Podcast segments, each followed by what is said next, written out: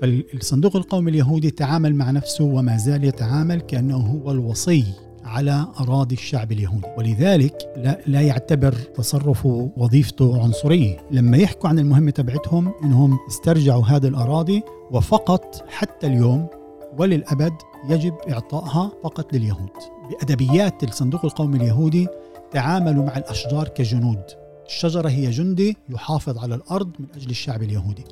ترجمها بمعنى أن الشجرة تقف في وجه الفلسطيني اللي هجر منها وتمنع عودة اللاجئين إلى أراضي اللي دافيد بن غوريون نفسه بعام 1938 يعترف بأنها الذراع الصهيوني للترانسفير الذراع التنفيذية للترانسفير. ولكن عام 49 يدعي الصندوق القومي اليهودي أنه اشترى كمان مليون دنم ولكن من وين هذه الدنومات وهذه الأراضي الشاسعة أجت؟ هذه أراضي اللاجئين الفلسطينيين اللي سيطرت عليها حكومة إسرائيل وحكومة إسرائيل هي اللي باعته. تحيات للجميع بكمان حلقة من بودكاست الميدان. أنا عبد أبو شحادة عبر موقع عرب 48 بس زي دايما قبل ما نبلش الحلقة إذا حابين المشروع حابين تدعمونا ما تنسوش تتابعونا عبر جميع تطبيقات البودكاست. إحنا موجودين بسبوتيفاي بجوجل أبل وطبعا ممكن تسمعونا عبر تطبيق عرب 48 بهاي الحلقة من بودكاست الميدان بدنا نحكي على الصندوق القومي اليهودي. ممكن تعرفوه باسمه العبري كاكال. واللي متابع الأخبار بالأيام الأخيرة أكيد سمع على هذا الصندوق بسياق الأحداث اللي بتصير بالنقب مع أراضي عائلة الأطرش. بس هدف هاي الحلقة هو نحط السياق التاريخي لهاي المؤسسة الصندوق القومي اليهودي وكيف نفس السياسات اللي كانت قبل ال 48 استمرت بعد ال 48 بفلسطين التاريخية بالداخل بالضفة وبالنقب. وفكرة المؤسسة بسيطة جدا. سلب العائلات الفلسطينية العربية من أراضيها وبمحلها نزرع شجر.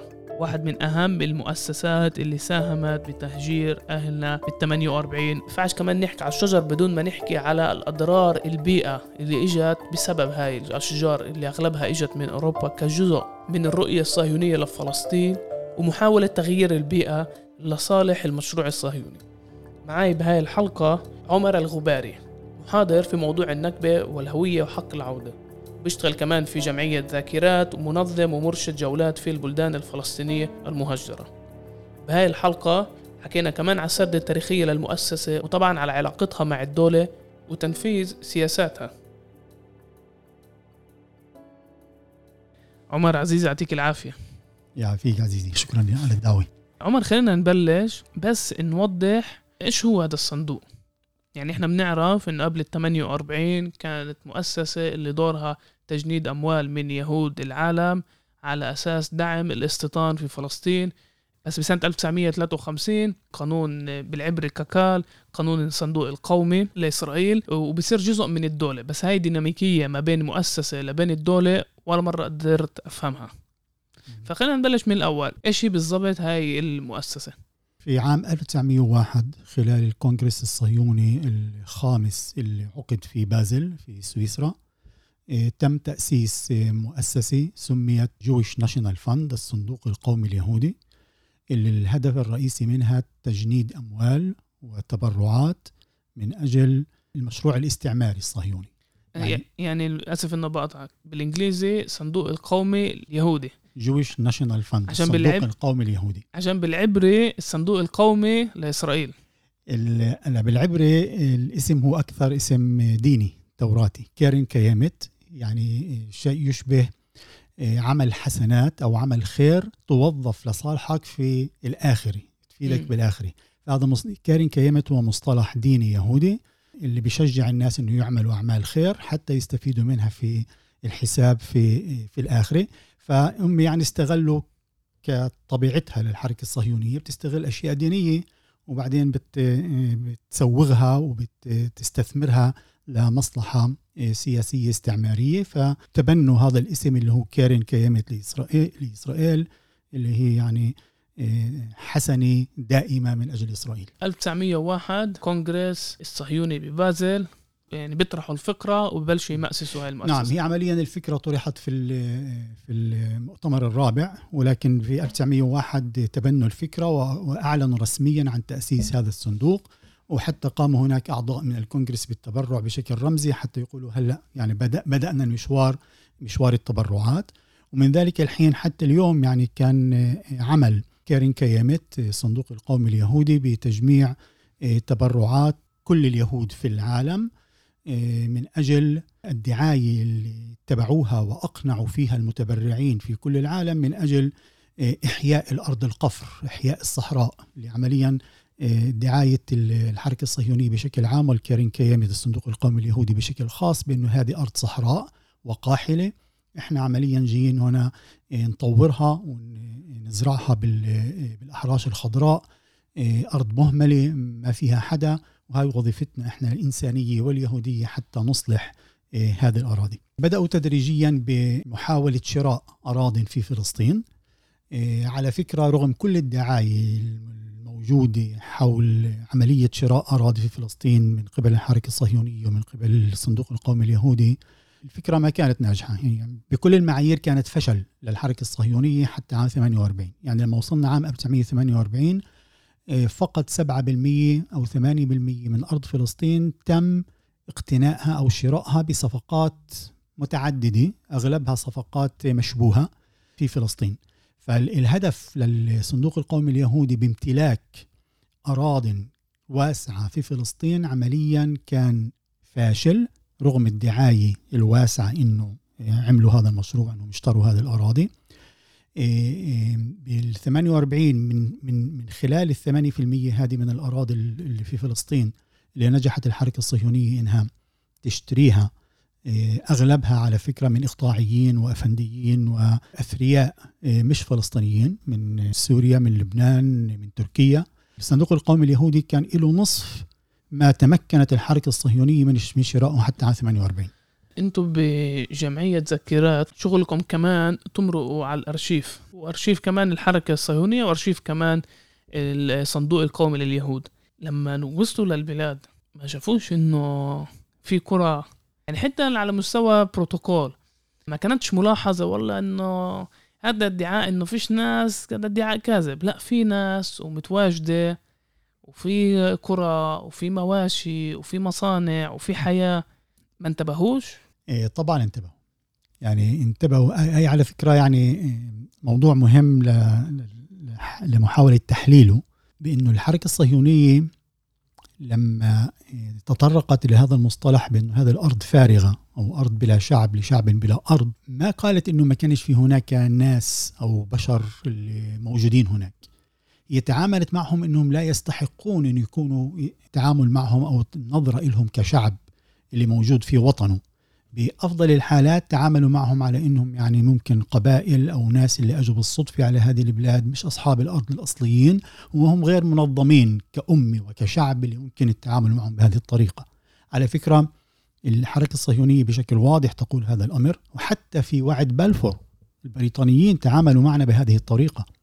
يعني تخيل إنه بوعد بلفور 1917 لما وعدوا في الجمل الموجودة في هذا النص تقام يقام وطن قومي للشعب اليهودي بيستعملوا كلمة شعب يهودي في ذلك الوقت رغم أنه هون عدد اليهود كان قليل جدا بضعة آلاف. وتعاملوا مع الباقين مع سكان البلاد الأصليين كطوائف و دينية. نعم وتجمعات دينية. لم حتى يعني وعد بلفور لم يتعامل معنا ك كأمي أو كشعب. فهي النظرة الأساسية اللي موجودة في الحركة الصهيونية. لأنه في نفس الوقت لما قالوا أرض فارغة كان هناك في أقوال إنه بدنا نعمل ترانسفير بدنا ننقل العرب الموجودين هناك إلى أماكن أخرى. إذا بدنا نقيم دولة يهودية مع أغلبية يهودية يجب إفراغها من سكانها الموجودين هناك. فالناس في في أمامهم موجودين ولكن الأهم هو النظرة لهذول الناس إنهم ما كانوش موجودين. ما كانوش موجودين كما قلت كشعب يستحق. التعامل معها كشعب وكأمة متماسكة. التصريحات أخرى لقيادات في الحركة الصهيونية ومن ضمنها قيادات في الصندوق القومي اليهودي حتى تعاملت مع قضية الترانسفير بما يشبه يعني يسلبون ويبكون زي اليوم ما بنستعمل في الاحتلال في الضفة إنه يعني يقتلون ويبكون. كذلك في بعض التصريحات بتقول إنه آلمني بعض القيادة الصهيونية إنه هجرنا قرى وعائلات عربية من بلدان وأنا بحكي قبل ال 48 بعشرات السنين بالعشرينات وبالثلاثينات. آلمني إني أشوف عائلات فلسطينية تهجر قسرا من هذه الأماكن وشفت النساء كيف بيحملوا الأغراض من البيت ما استطاعوا حمله وتاركين البلد وطالعين منها وهم باكون.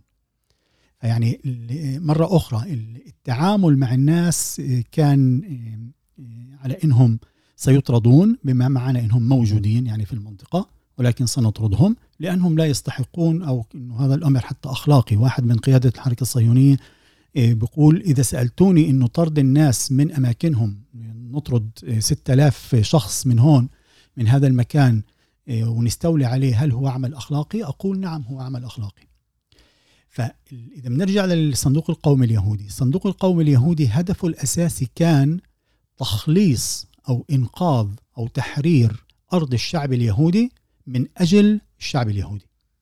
يعني شافوا بمهمة بالمهمة تبعتهم وظيفة وطنية وظيفة تاريخية ووظيفة أخلاقية إنه من حقهم يجوا عمليا كأنهم يسترجعوا هذه الأرض اللي تابعه للشعب اليهودي ويرجعوها للشعب اليهودي. فالصندوق القومي اليهودي تعامل مع نفسه وما زال يتعامل كأنه هو الوصي على أراضي الشعب اليهودي ولذلك لا, لا يعتبر تصرفه ووظيفته عنصرية. ويعني يقول وحتى اليوم عام 2022 موجود في مكتوب في موقعهم في الإنترنت آه، بميثاق الكيرين كيامت وفي وظائف الكيرين كيامت إنها آه، تملكت هذه الأراضي. طبعا بتطرقوش إلى كيفية تملك هذه الأراضي.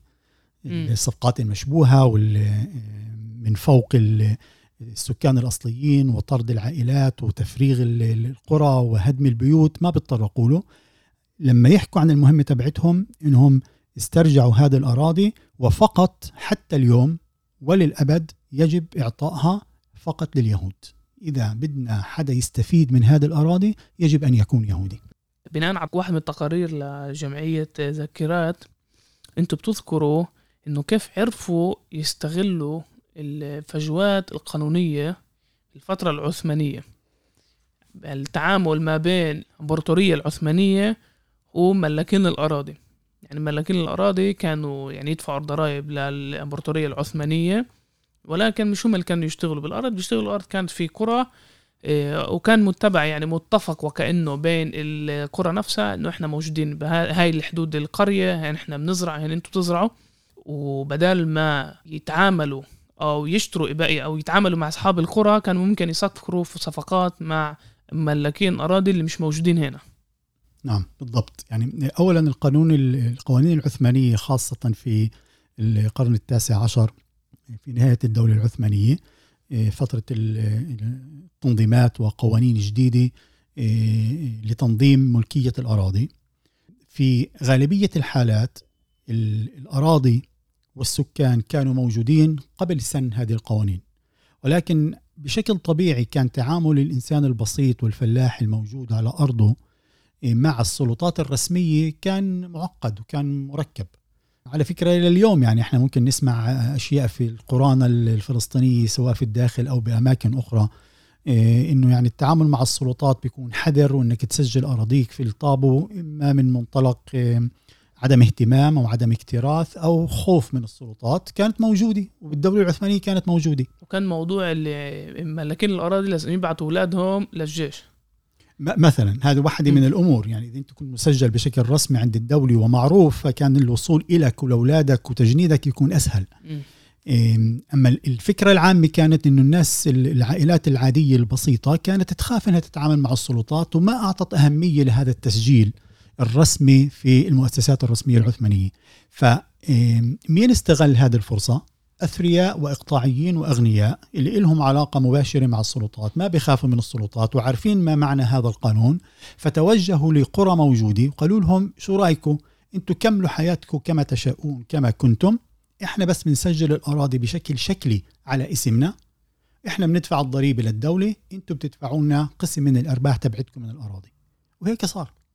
وفعلا عشرات القرى الفلسطينية في نهاية الدولة العثمانية كانت في في هذه الصورة بهذا الشكل من من التعامل مع الإقطاع ومع السلطات الرسمية. زي صحيح إنه هذا مش موضوع الحلقة بس موضوع الطبقي بالشعب الفلسطيني وتاريخ الشعب الفلسطيني تقريبا مغيب يعني بنحكيش كفاية على كيف الإقطاعيين تصرفوا وكيف الطبقة المسحوقة تصرفت وكيف اتبلورت الأحداث واستغلال الفجوات القانونية بالأخص مع ما بين الطبقات نعم. اللي كانت موجودة. إيه، أنا موافق صح. يعني هذا الموضوع بيحتاج إلى دراسة وتعمق مع إنه عادة لما يعني يكون الموضوع هو عن كارثة قومية وعن نكبة وعن تهجير وعن تطهير عرقي هاي الأمور بتأخذ يعني محل ثانوي. إيه، بشكل عام. رغم ذلك يعني منيح التنويه بأنه غالبية من باعوا في تلك الفترة أراضي للحركة الصهيونية لم يكونوا فلسطينيين. كانوا من خارج فلسطين. يعني لما إيه، زي ما ذكرت لما وصلنا عام 48 أو نهاية 47 الصندوق القومي اليهودي تمكن من يعني شراء حوالي 930 ألف دنم يعني خلينا نقول مليون دنم حتى نذكر الرقم. أكثر من 50% من هذه الأراضي بيعت من قبل هؤلاء الإقطاعيين اللي أغلبهم زي ما ذكرت اللي ما يكن كلهم من خارج فلسطين. لأنه كان لهم يعني أسهل هي شغلة يعني التجارة. فالحركة الصهيونية بشركاتها الوهمية اقترحت عليهم أسعار مغرية وهم باعوها. ولكن يعني هذا للتاريخ يجب أن يقال إنه الاقطاعيين الإقطاعيين أنفسهم رغم كل هذه الصفقات المشبوهة لم يقصدوا تهجير الناس من أراضيهم. يعني حتى في بعض الشهادات اللي جمعناها من من مهجرين عندنا بالداخل اللي بيعرفوا هاي الظاهرة. يعني إنه الإقطاعيين كانوا يدفعوا الضريبه باسم أهل البلد ولكن كل إنسان وكل عائلة كانوا عارفين إنه البيت اللي ساكنين فيه هو إلهم وكم دنم حول البيت هو إلهم ملك شخصي. حتى الإقطاعي كان يعني عارف وكان معترف بهذه الأمور. وعلى فكرة يعني خلال الدولة العثمانية كمان في إقطاعيين اللي اشتروا وباعوا من بعض بس ما هجروا الناس.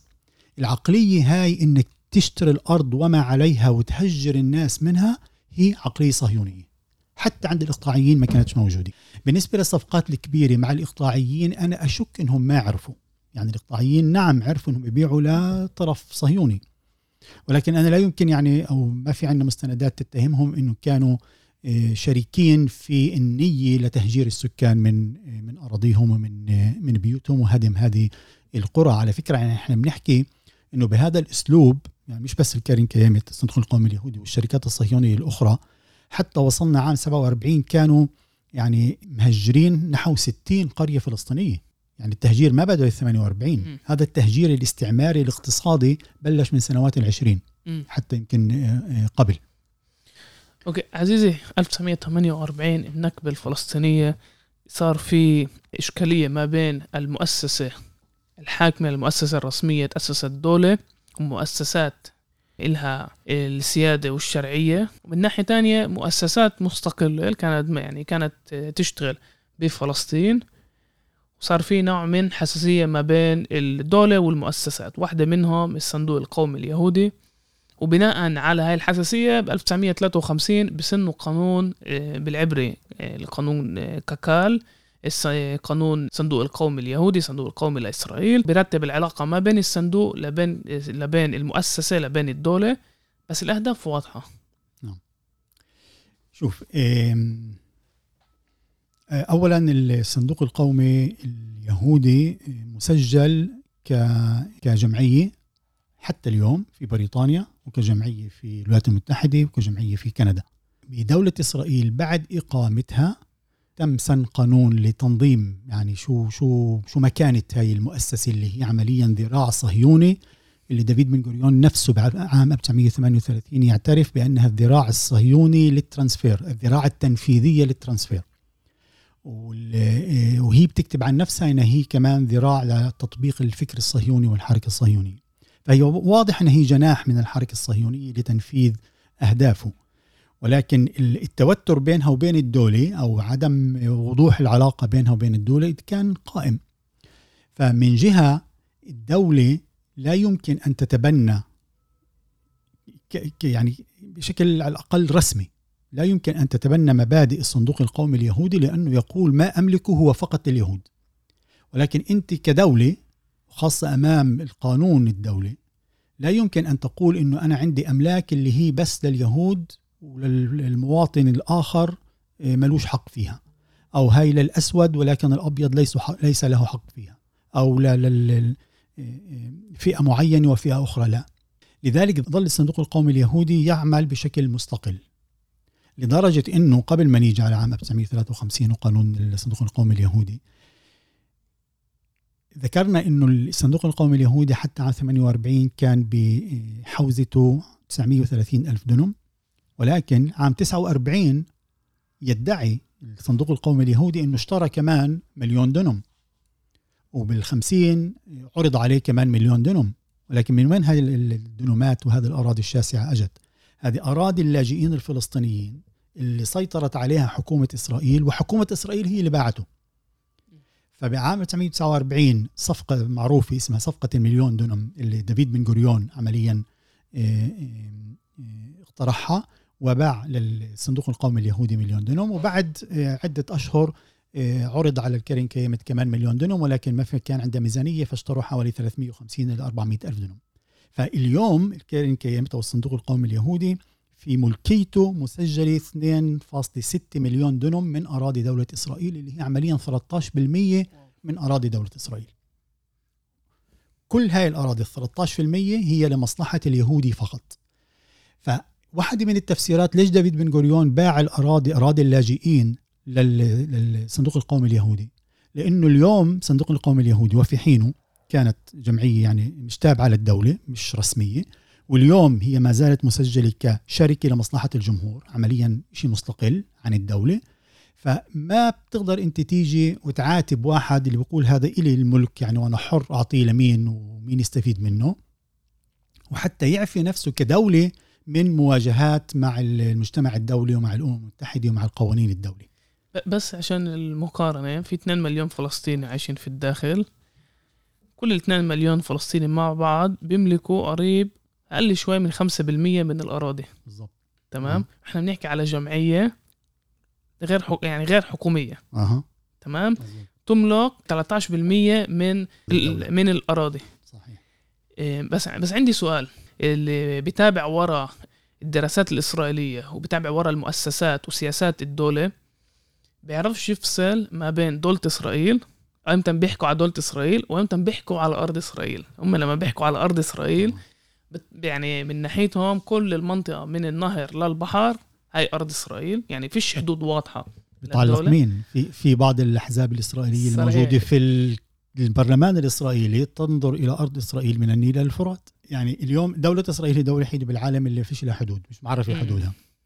يعني يعني مش في خلاف حدودها مش عارفين إيه وين. مش موجود لأنه و... ما زال مفت... الأمر ما زال مفتوح. وبيزعلوا الجماعه كل مرة لما بالخوارط العالمية بدمجوش بحطوش الجولان المحتل بحطوش غزة وبحطوش الأراضي آه. بالضفة. آه عشان هيك يعني بالخرائط الموجودة الرسمية الإسرائيلية مرات بتشوف الخط الأخضر مرات مش موجود. يعني اليوم بالعقلية الدولية وبالاتفاقيات الدولية ما يسمى الخط الأخضر هو الحدود الدولية المعترف بها لدولة إسرائيل ولكن دولة إسرائيل نفسها لا تعرف حدودها أين. آه هذا بالنسبة للدولة.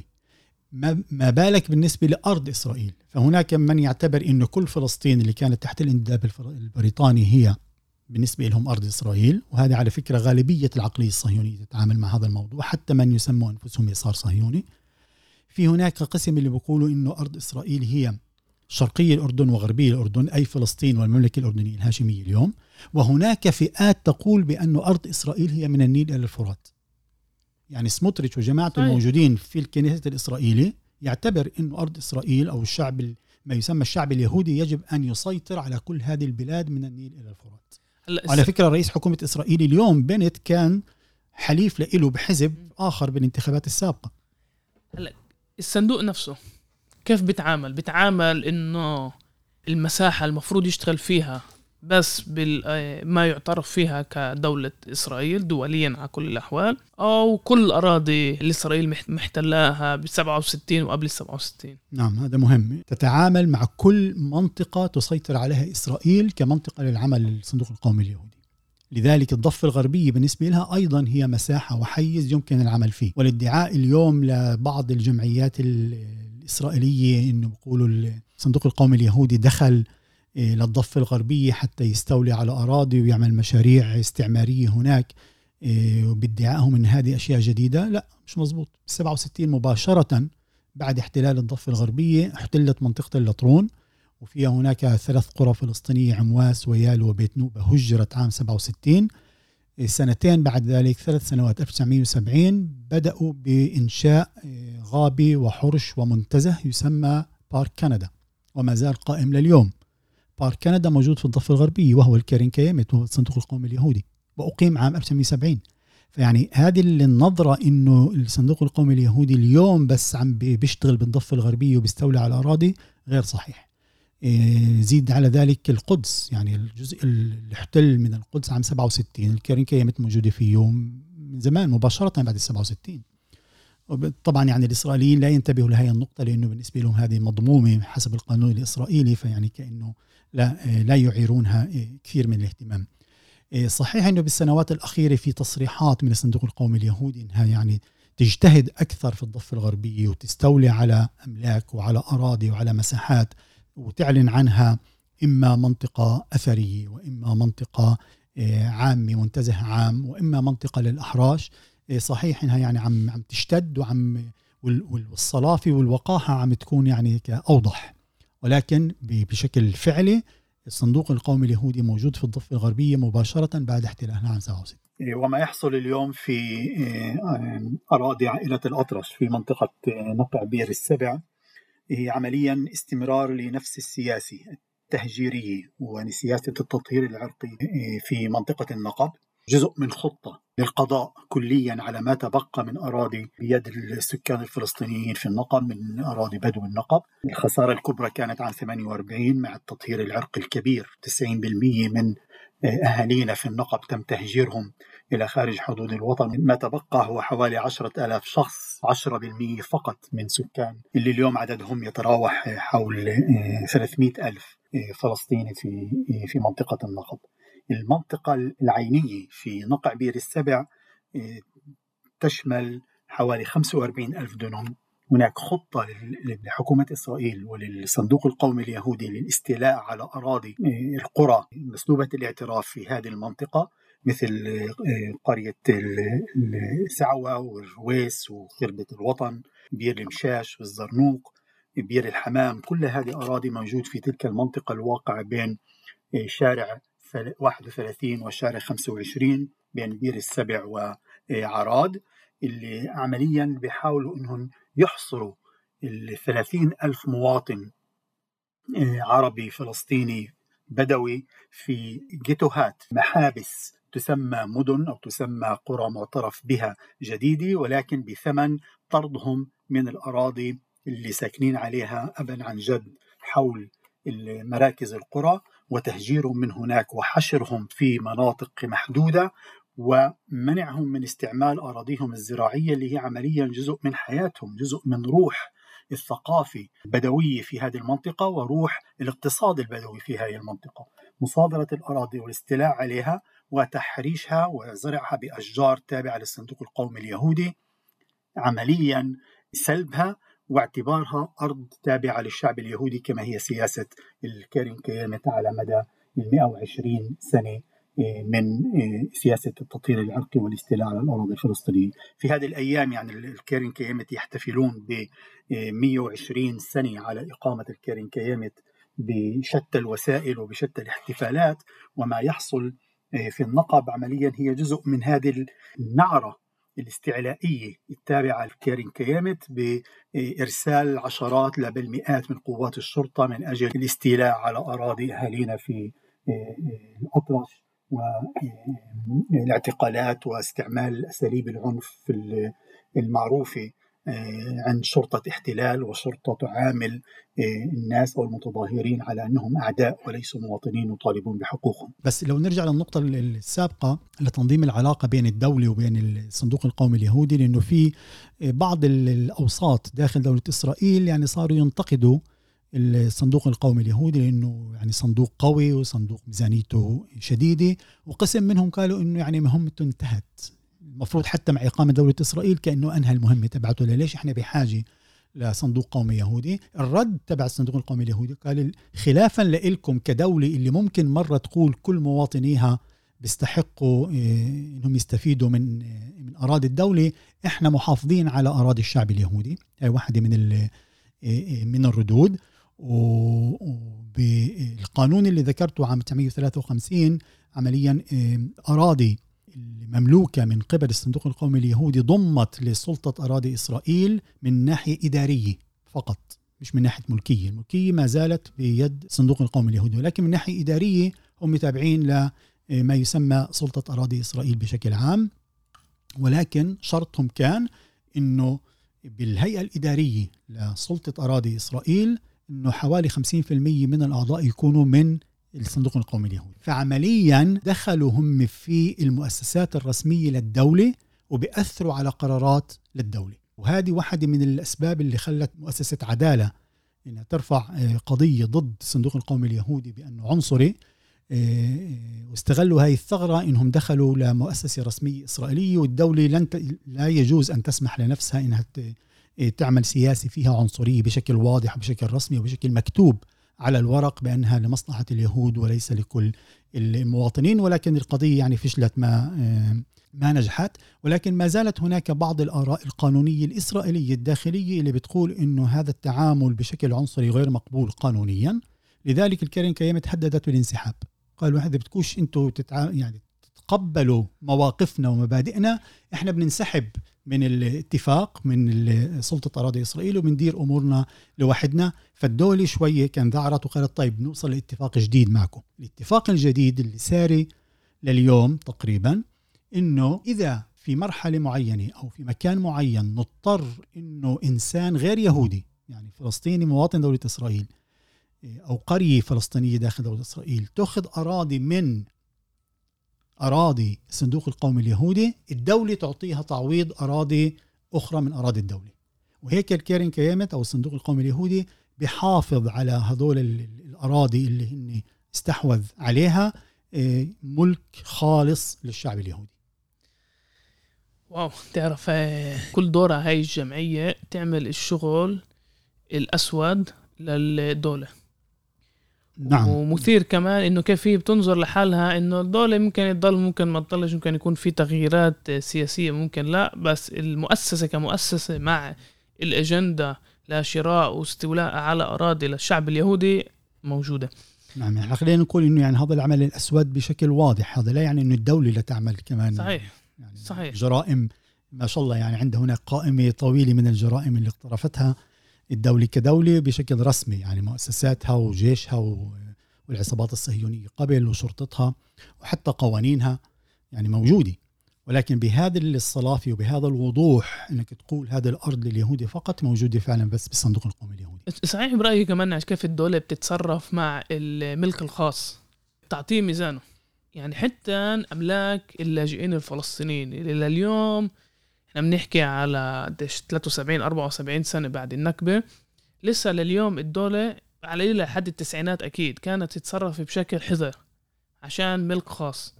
إذا كان في صفقة مع الجانب الفلسطيني مع اللاجئين يعرفوا كيف يتصرفوا معها من ناحية قانونية. والمثير إنه الجمعية لما هي صاحبة الملك الخاص باخذوا بعين الاعتبار هم بيتحملوا يعني حتى لو كان في تغيير سياسي يعني مش شرط بما يعترف فيها دولة إسرائيل حتى لو في الضفة حتى لو وصلوا لحل الدولتين بحال سيطرت على أراضي ونقلت ملكية الأراضي على اسم المؤسسة نفسها الصندوق القومي اليهودي بده يتعايش مع القانون الفلسطيني والقانون الفلسطيني بده يتعايش مع الملك الخاص لهاي المؤسسة. لأنه حتى لو كان انسحاب من الضفة رح تظل هاي الأراضي كأنها أراضي خاصة. لا يعني أنا بتخيل يعني الخبراء أنا مش خبير بالقانون الدولي ولكن الخبراء في القانون الدولي تفسيرهم إنه هاي الصفقات غير قانونية وغير شرعية. يعني لا يعترف بها بعدين في إطار حل حل سياسي. لأنه كل ما قامت به الدولة المحتلة يعني الغازيه هي ممنوع إنها تنقل أملاك الطرف اللي تحت الاحتلال لصالحها. ممنوع تنقل سكان من عندها للمنطقة اللي تم احتلالها حسب القانون الدولي. فهي الصفقات بتخيل أنه القانون الدولي لا يعترف بها ومش بهاي السهولة أنه الصندوق القومي اليهودي يحافظ على أراضي في دولة فلسطينية إذا أقيمت في الضفة الغربية إيه، إحنا بالقرن الواحد وعشرين واحد من التحديات الكبيرة اللي بنواجهها موضوع البيئة. أغلب الناس معرفتهم بأن الصندوق نفسه حتى الفلسطينيين إنه هاي هدول بيجوا بيزرعوا شوية شجر. بحب أتطرق لهذا موضوع لسياسة تشجير تحريش الأراضي نوعية الشجر. هل هاي الشجر ملائمة؟ هل اللي بتخلق أضرار بالبيئة؟ هل مناسبة؟ هل هي كمان من وراء الحرائق اللي نازلين نشوفها أكتر وأكتر بجميع البلاد من الشمال للجنوب؟ خاصة بما يتعلق بأنه يعني إسرائيل أو الكيرين كيامت تقلص مساحة الصحراء القاحلة لأن هذه الأراضي ليست أراضي صحراء هي أراضي زراعية وأهالي الأطرش وكل القرى الفلسطينية البدوية الموجودة هناك تزرعها على مدى مئات السنين. وحتى في السنوات السابقة لما زرعوها جاءت جرافات الكيرين كيامت وجرفت الزرع حتى يمنعوا إنه يستفيدوا من الأرض آه، الزراعية.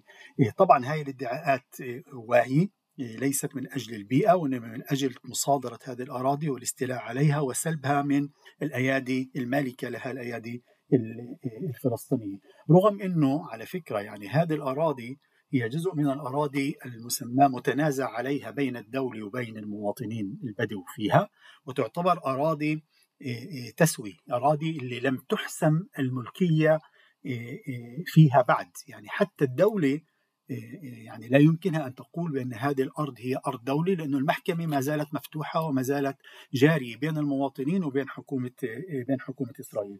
فالخطوات اللي تقوم فيها الكيرين كيامت هي عمليا خطوات عربدة. يعني بتيجي على أرض حتى بناء على الإجراءات الإسرائيلية ليست محسومة الملكية بعد.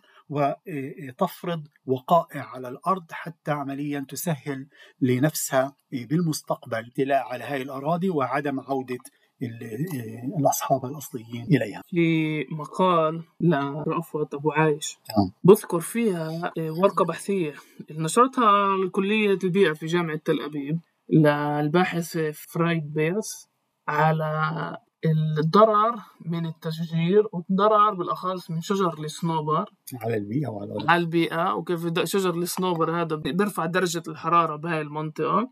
بمقال آخر طلع لي أخرى الأرض الزراعية هي بتمنع توسع الصحراء.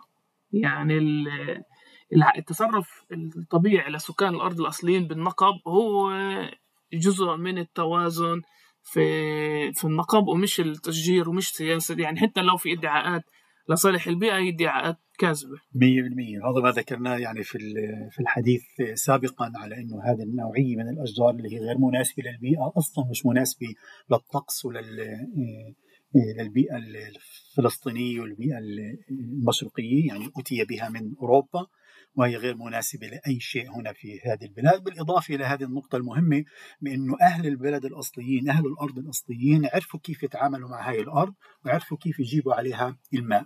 على فكرة الكيرين كيمت في واحدة من دعاياتها تقول بأنه تعلمت طريقة تجميع مياه من القبائل النبطية العربية في قبل مئات السنين وهي نفسها الطريقة اللي كان يستعملها السكان البدو العرب على مدى مئات السنين حتى جاء الكيرين كيمت وادعى ما ادعاه.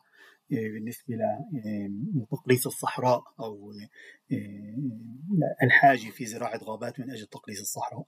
يعني نربط بس يعني هذه الغزوة الجديدة على أراضي الأطرش حاليا هي واحدة من سلسلة غزوات اللي قامت فيها الكريم كيمت في أرض النقب مؤخرا. يعني أراضي العراقيب زرعوا هنا غابة سموها غابة السفراء وغابة تلفزيون تلفزيون الله جاد تي في تلفزيون أمريكي آه، آه، عنصري آه، غابه عتير اللي هي عمليا على أراضي أم الحيران اللي يعتبر أكبر غابة تعتبر أكبر غابة في البلاد 30 ألف دونم من الأراضي اللي زرعوها أشجار متنوعة وعلى طرفها تم بمساندة الكيرين كيامي طرد أهالي أم الحيران وبناء مستوطنة إسرائيلية يهودية تسمى حيران بدلها. فيعني الأرض فجأة أصبحت مناسبة للسكن وممكن فيها إسكان الناس ولكن هناك نوع معين من الناس يجب إسكانهم في هذه الأراضي اللي تابعة للكريم كيمت وهم اليهود فقط. ذكرتني يوم كنا بالمدارس وإحنا صغار. اولا كانوا يحتفلوا بعيد الشجرة اللي عمليا هسه ب 17 واحد. هذا آه. الاحتفال اللي تبنوه الحركة الصهيونية والكيرن كيم الصندوق القومي اليهودي تبنوه في الأصل يعني عيد شجرة ديني يهودي قديم وموجود في الكتب المقدسة. ولكن كالعادة أخذوه وصهينوه. سيسوه نعم صهينوه ادلجوه وعملوا منه واحد من المناسبات للاستيلاء والاستعمار على الأراضي بطرق مختلفة. اللي مبينة ظاهريا طرق لطيفة جميلة زي ما ذكرت نحيي القفر. بنعطي الاولاد إنهم يزرعوا شجرة وينبسطوا بزراعة شجرة. الفكر اللي بيحمله المستعمر عادة عبر التاريخ وكل مناطق في العالم عادة يتناقض ويتعارض مع البيئة اللي استعمروها واللي احتلوها. ونفس المطب ونفس الخطأ وقعت فيه كمان الحركة الصهيونية. إيه، إنه لما إيه، إيه، وصلت لفلسطين وبدأت المشروع الاستعماري من كل النواحي كان كان التطبيق على أرض الواقع لا يشبه الأرض الأصلية والبيئة الأصلية والإقليم الأصلي. يعني خذها من جميع النواحي لا اللغة ولا التصرفات ولا الثقافي ولا الفن المعماري ولا حتى الزراعة والبيئة. فواحدة من الأمور اللي الصندوق القومي اليهودي تفاخر فيها على مدى عشرات السنين هي تجفيف مستنقع الحولة بحيرة الحولة. اللي يعني إنسان طبيعي اللي بيتعامل مع مع مع بلده مع أرضه مع وطنه بشكل طبيعي بشوف إنه هذا جزء من إفرازات الطبيعة طبيعية. يعني مش إشي لازم نعلن عليه حرب. يعني تعلن حرب على الطبيعة هذا يعني إنك أنت مش للنهاية فاهم هي الطبيعة. تجفيف الحوله تبين لاحقا حتى للكيرين كيمت الصندوق القومي اليهودي إنه كان خطأ بيئي. اليوم شو عملوا قبل كم من سنة؟ رجعوا المستنقع عملوا بحيرة الحول جديدة. لأنه لما جففوا المستنقع قسم من النباتات اختفت وقسم من الحيوانات والطيور اللي كانت تعيش حول هذا المستنقع عمليا اختفت انتهت مش موجودة. فاليوم يعني بعد ما اكتشفوا خطأهم أجوا وعملوا مستنقع جديد أو بحيرة جديدة اللي هي بحيرة الحول الموجودة حاليا. الأمر الثاني إنه زراعة الأشجار والغابات اللي جاءت يعني كفكر صهيوني إنه بدنا نكثر من هاي الأمور اولا لها أهداف سياسية استعمارية. بأدبيات الصندوق القومي اليهودي تعاملوا مع الأشجار كجنود. الشجرة هي جندي يحافظ على الأرض من أجل الشعب اليهودي. ترجمها بمعنى أن الشجرة تقف في وجه الفلسطيني اللي هجر منها وتمنع عودة اللاجئين إلى أراضيهم. داخل أحراش الكيرين كيامت الصندوق القومي اليهودي هناك عشرات البلدان الفلسطينية المهجرة. والأشجار اللي زرعوها عمليا تغطي وتخفي آثار البلدان الفلسطينية والصندوق القومي اليهودي كان له كمان وظيفة مباشرة لإزالة بيوت وقرى فلسطينية من على وجه الأرض وزراعة أشجار لتخفي هاي الآثار. تصريح لنائبة مدير في الصندوق القومي اليهودي قبل كم سنة ميخال كاتورزا قالت إنه في عشرات البلدان الفلسطينية تحت هاي الأشجار والأشجار وظيفتها إنها تخفي هاي الآثار. فمن الخارج انت لما تطلع على غابه وجبل مزروع أشجار خضراء فعلا منظر جميل ولكن الجرائم وما يحصل بين الشجر وتحت الشجر فيش حدا بيحكيه فهذا هذا التوظيف السياسي للغابات وللأحراش اللي هي منع عودة اللاجئين والاستيلاء على اراضيهم وإخفاء الجريمة إيه، في هدم وتهجير البلدان الفلسطينية.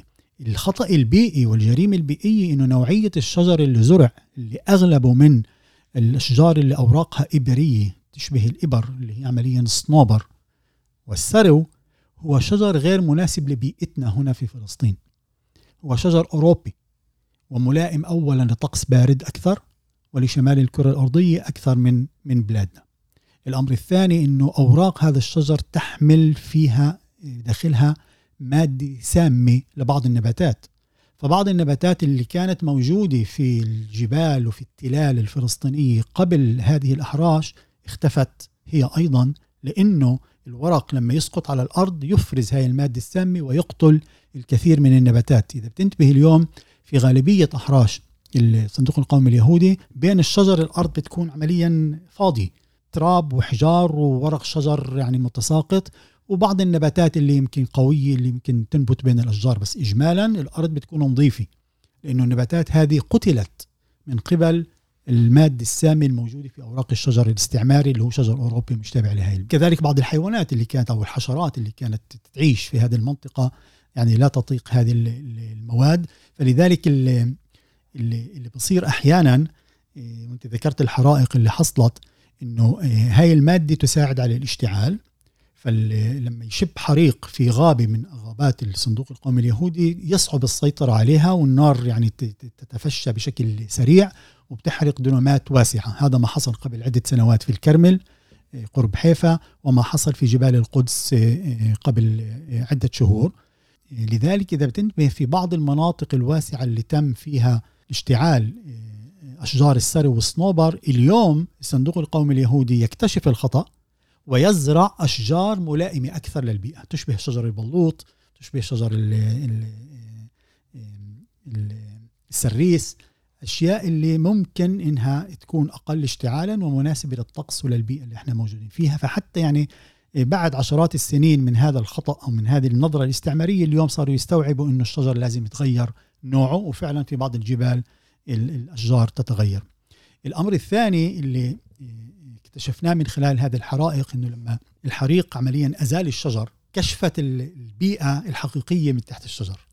هناك مناظر يعني تقشعر لها الأبدان لما تشوف صور في جبال القدس كيف لما الشجر الصنوبر عمليا احترق وبينت المدرجات والسلاسل اللي كان الفلاح الفلسطيني يعملها في هذه التلال وبين المنظر الحقيقي والمنظر الأصلي آه، للأراضي الزراعية الفلسطينية للقرى اللي موجودة عمليا تحت آه، أحراش الكارين كيمت أو الصندوق القومي اليهودي. عمر يعطيك العافية عزيزي. وشكرا على شغلكم بتذكيرات وأنا جدا بشجع المستمعين يفوتوا عندكم على الموقع ويتابعوا ورا شغلكم.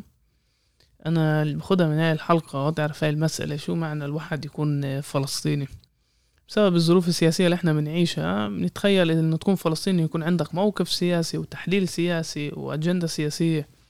مظبوط. لما يعني بتخيل إنه يعني بهاي المناسبة يمكن اولا ننبه الناس لشو وظيفة الصندوق القومي اليهودي؟ زي ما قلت وإحنا صغار إحنا كنا أنا متأكد إنه كان بالمدارس وبعض الدكاكين حتى العلبة الزرقاء للتبرع للصندوق القومي اليهودي.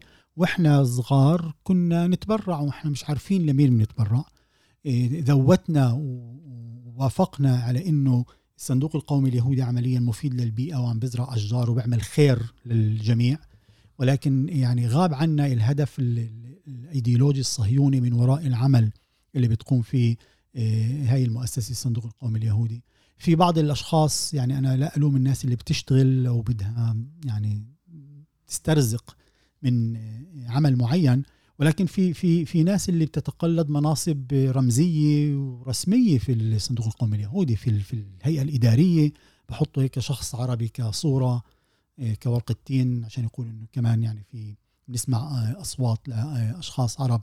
مهم جدا التنويه لهي إيه، لهي الأمور. وبالذات إنه يعني ما زال حتى اليوم بكل وقاحة وبكل صلافة يقول إنه هاي الأرض تابعة فقط للشعب اليهودي وفقط للإنسان اليهودي. إيه، حتى لو مش مواطن هون على فكرة. يعني درجة الإنسان اليهودي أينما كان تعلو على درجة الفلسطيني حتى لو كان مواطن في دولة إسرائيل. قبل حلقتين كان عندي بروفيسور أمل جمال وطرح وناقشنا شو معنى يهودية الدولة. يعني هاي الدولة اللي بيميزها إنه بتشوف إنه لها دور لجميع اليهود في كل العالم مواطنين أو غير مواطنين. وبتسعى دائما لتوطينهم وبتسعى دائما لتنفيذ مصالحهم. إيه، وصراحة كنت بحب أنهي الحلقة بعد الحديث معك عمر إنه يعني معنى الواحد يكون فلسطيني ومع هو معنى يكون بشوف حاله جزء يعني حتى بالمعاملات بين الطبقات المختلفة بين الإقطاعيين والفلاحين. كيجي تسلسل طبيعي يعني في إلها تاريخ وفي إلها إيه، طريقة تعامل. والأهم من هيك البيئة. لما أنت أصلا أنت من البلاد أنت بتعرف كيف تتعامل مع هاي البيئة أنت بتعرف البيئة نفسها اللي أنت عايش فيها. وأنا يعني هي مش أول مرة بذكر سيدي بالبودكاست. سيدي كان فلاح بيرجي وكان شغلته يفحر بيار مي. بسنة 2010 لما إجينا بدنا نعمر عمارة بيافا بحي النزهة. يعني اللي بيعرف يافا بيعرف إنه حي النزهة صار جزء من المدينة. فيش بيا راتب حي النزهة. بس سيدي ضل متذكر قال لأبوي أنتوا رح تفحروا وبتسعة أمتار رح يطلع لكم مي حلوة. وبالفعل تسعة أمتار طلعت مي حلوة. ليش اللي اشتغل الأرض وعاش الأرض بيشوف حاله جزء من الأرض ومعرفته بالأرض وبالبيئة بتكون أقوى من المستوطن اللي بيجي يفرض سيادته على الأرض. بصراحة يعني بسعى كمان إنه إحنا يعني كمان نرجع إيه للأرض يعني على نفهم كيف نعم نفهم على الأقل نفهم نعم. تاريخها ونفهم كيف نعم. تشتغل يعني كنا نقول اختيارية بيعرفوا يحكموا على الأرض بيعرفوا يحكموا على الشجرة بيفهموها بيفهموا طبيعتها بيفهموا إيش لازم كيف كيف يكون التعامل معها. وإذا ذكرت سيدك آه على فكرة يعني واحدة من من المآسي من آثار النكبه واسقاطات النكبه إنه من نجا من التهجير وظل بهاي البلاد استغلت الدولة آه تخصصاته حتى تستفيد منه إنه كان يشتغل عند صحيح. المستعمر الجديد صحيح. حتى يحفر آبار ويعلمهم كيف يعملوا يتعاملوا مع الأرض ومع الآبار أنا ابوه لسيدي وسيدي بعد ما صادروا أراضيهم بال 48 رجعوا يشتغلوا بالأرض كاجيرين عند كاجيرين وابوه لسيدي ضلوا متذكر لآخر يوم باليوم اللي قرروا حتى لو لما انسحبوا الملكية من الأرض اتذكر الانهيار النفسي اللي مرقوا لما شافهم بيخلعوا شجر البرتقال اللي كان زرعه. عزيزي يعطيك العافية. هي شكرا كانت لكم. شكرا لكم على الدعوة واستمروا بهذه السلسلة من اللقاءات. كل احترام. شكرا. وهي كانت كمان حلقة من بودكاست الميدان. إيه، إذا حابين تدعمونا ما تنسوش تتابعونا على جميع تطبيقات البودكاست. وإذا طبعا إذا عندكم أي ملاحظة ممكن تبعتوا لي رسالة عبر البريد الإلكتروني اللي مرفق للحلقة.